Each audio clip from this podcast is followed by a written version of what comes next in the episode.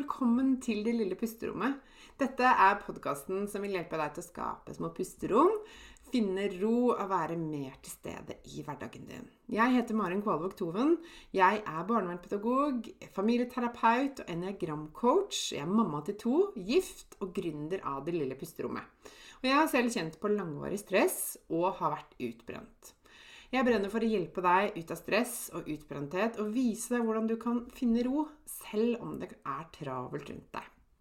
Til daglig så hjelper jeg kvinner ut av utbrenthet og stress gjennom online coaching med min egen utarbeidede pusterommetode og ulike online-kurs. Du vil høre meg reklamere for mine tjenester i denne podkasten. Du vil også i denne podkasten få mine tips, triks og inspirasjon til hvordan du kan skape dine pusterom i hverdagen. Jeg kommer også til å dele egne erfaringer og invitere spennende gjester på besøk. Mer om meg og det jeg kan hjelpe deg med, det kan du lese om på delillepusterommet.no. Det er veldig gøy om du deler at du hører på Det lille pusterommet i sosiale medier, og tagger meg, så jeg kan si hei til deg. Jeg heter Marin Kvalvåg Toven både på Facebook og på Instagram. Her kommer dagens episode. Hei, hallo, og velkommen tilbake til lille pusterommet. Så hyggelig at du har lyst til å lytte til meg i dag. Um, denne uka her, som jeg spiller inn den podkastepisoden, så har det vært eh, litt sånn eh, Det har vært en litt sånn ellevill uke, egentlig. eh, både vi, er vi midt i sånn bursdagsmaraton i april her i familien, så vi er tre stykker som har bursdag, og det er veldig hyggelig, og også litt styr. så vi har hatt bursdagsfeiringer. Og så har jeg også hatt et arrangement, et sånn frønæringsarrangement som jeg har sittet i komiteen for, så det har vært ganske mye jobb med det. Kjempegøy. Eh, men lufta gikk litt ut av ballongen min i dag, kjente jeg, når det, dette var over. Så nå skal det eh, hviles litt når det kommer til helga. Eh, og jeg har også et sykt barn hjemme i dag. Så sånn er liksom hverdagen min.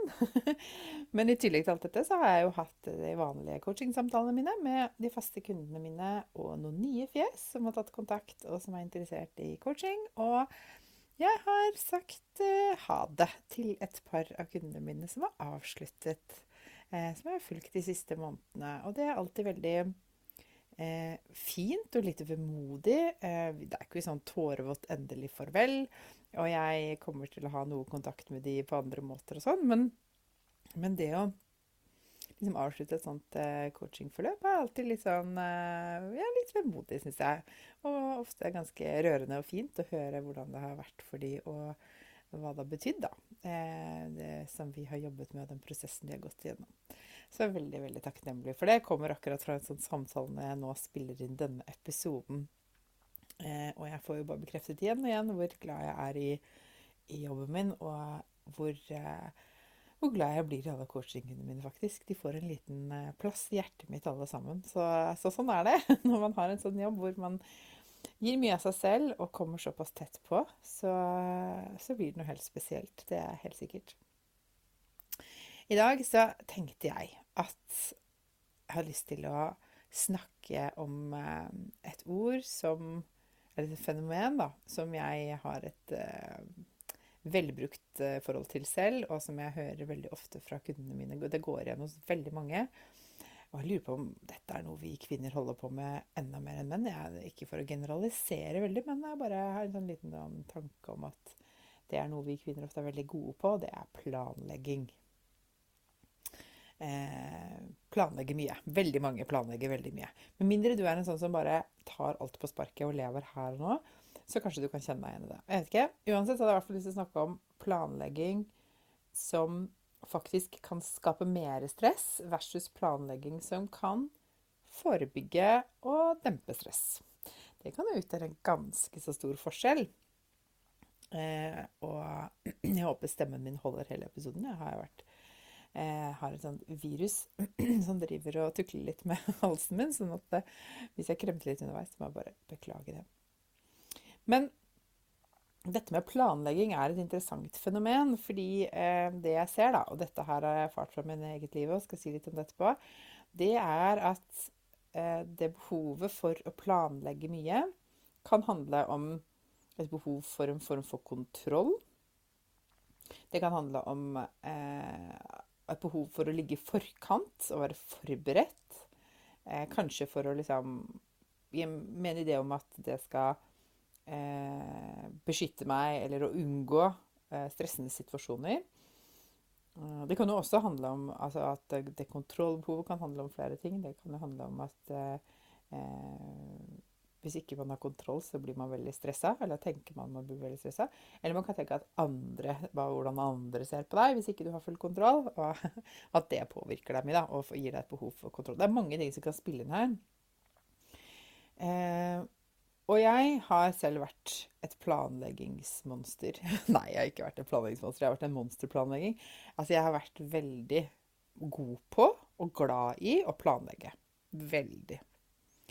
Og jeg gjorde det i den tro at både for det første at jeg var god på det, eh, så det ga meg en form for mestring, kanskje, men også at jeg trodde at det ville gi meg mer ro og mer kontroll og mer ja, følelse av å være i forkant.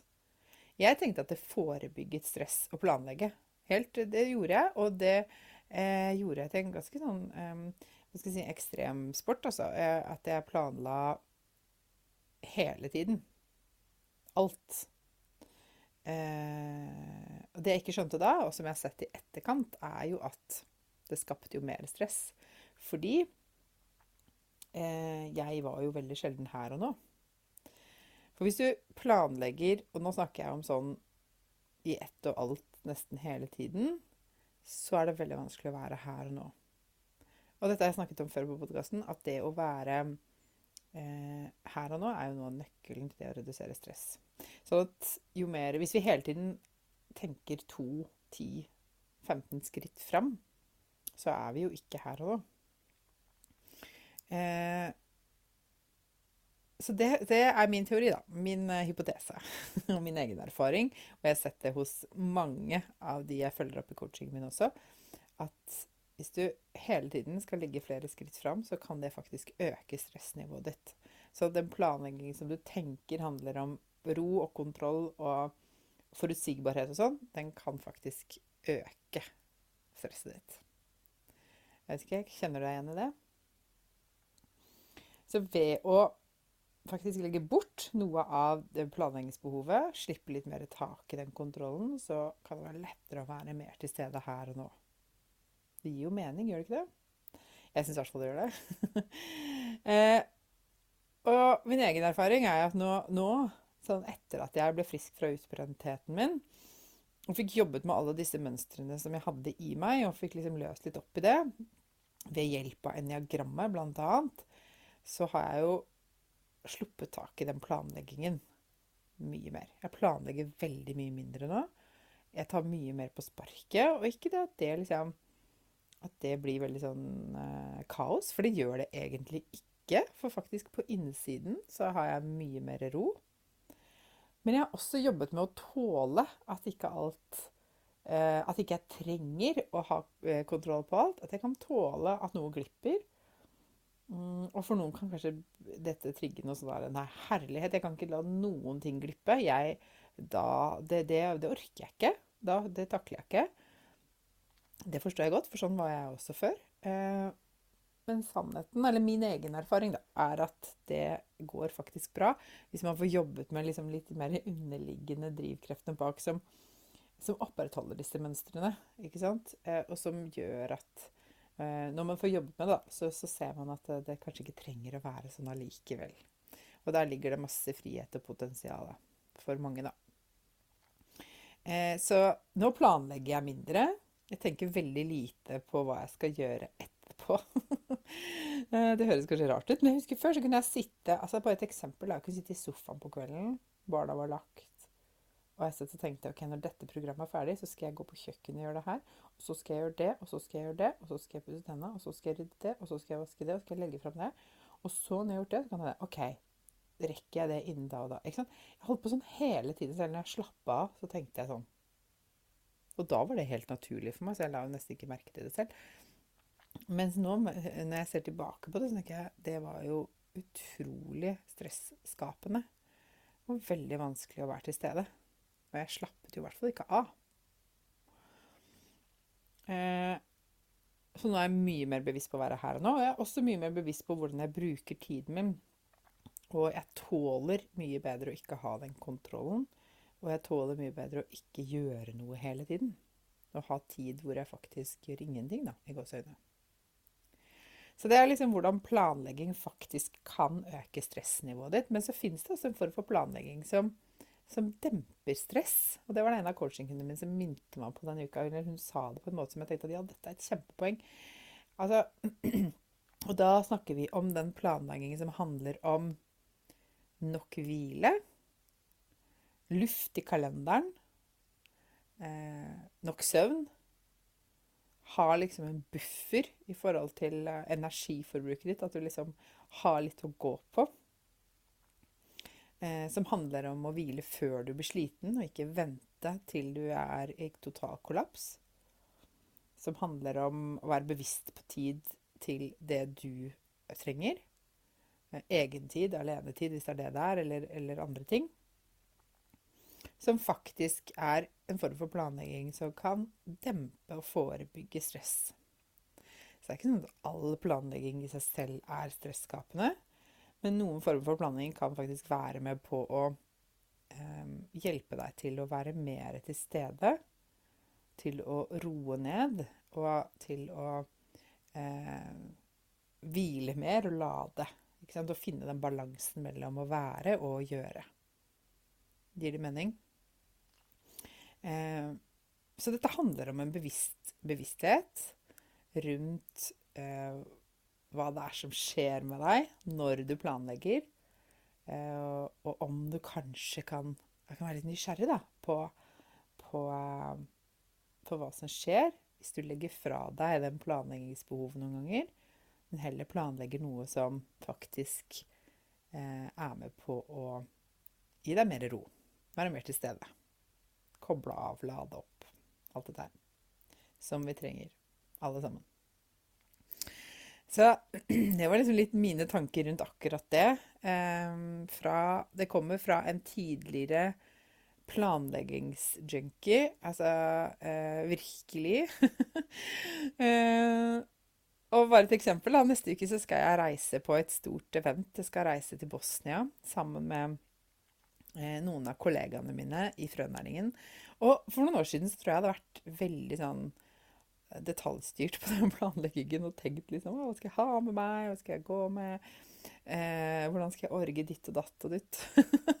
og begynt tidlig og vært liksom å, holdt på med det lenge. Og for mange er det kos og fint og alt det der. Jeg sier ikke at ingen skal gjøre det.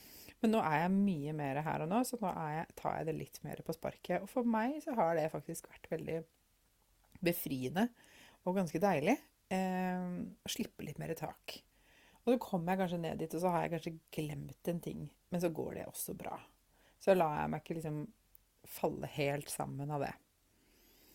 Så eh, hvis du kjenner deg igjen i noe av det derre planlegging som skaper mye stress, så se litt hva som kan skje hvis du, hvis du eh, gir deg muligheten til å planlegge det som kan dempe stress i stedet for.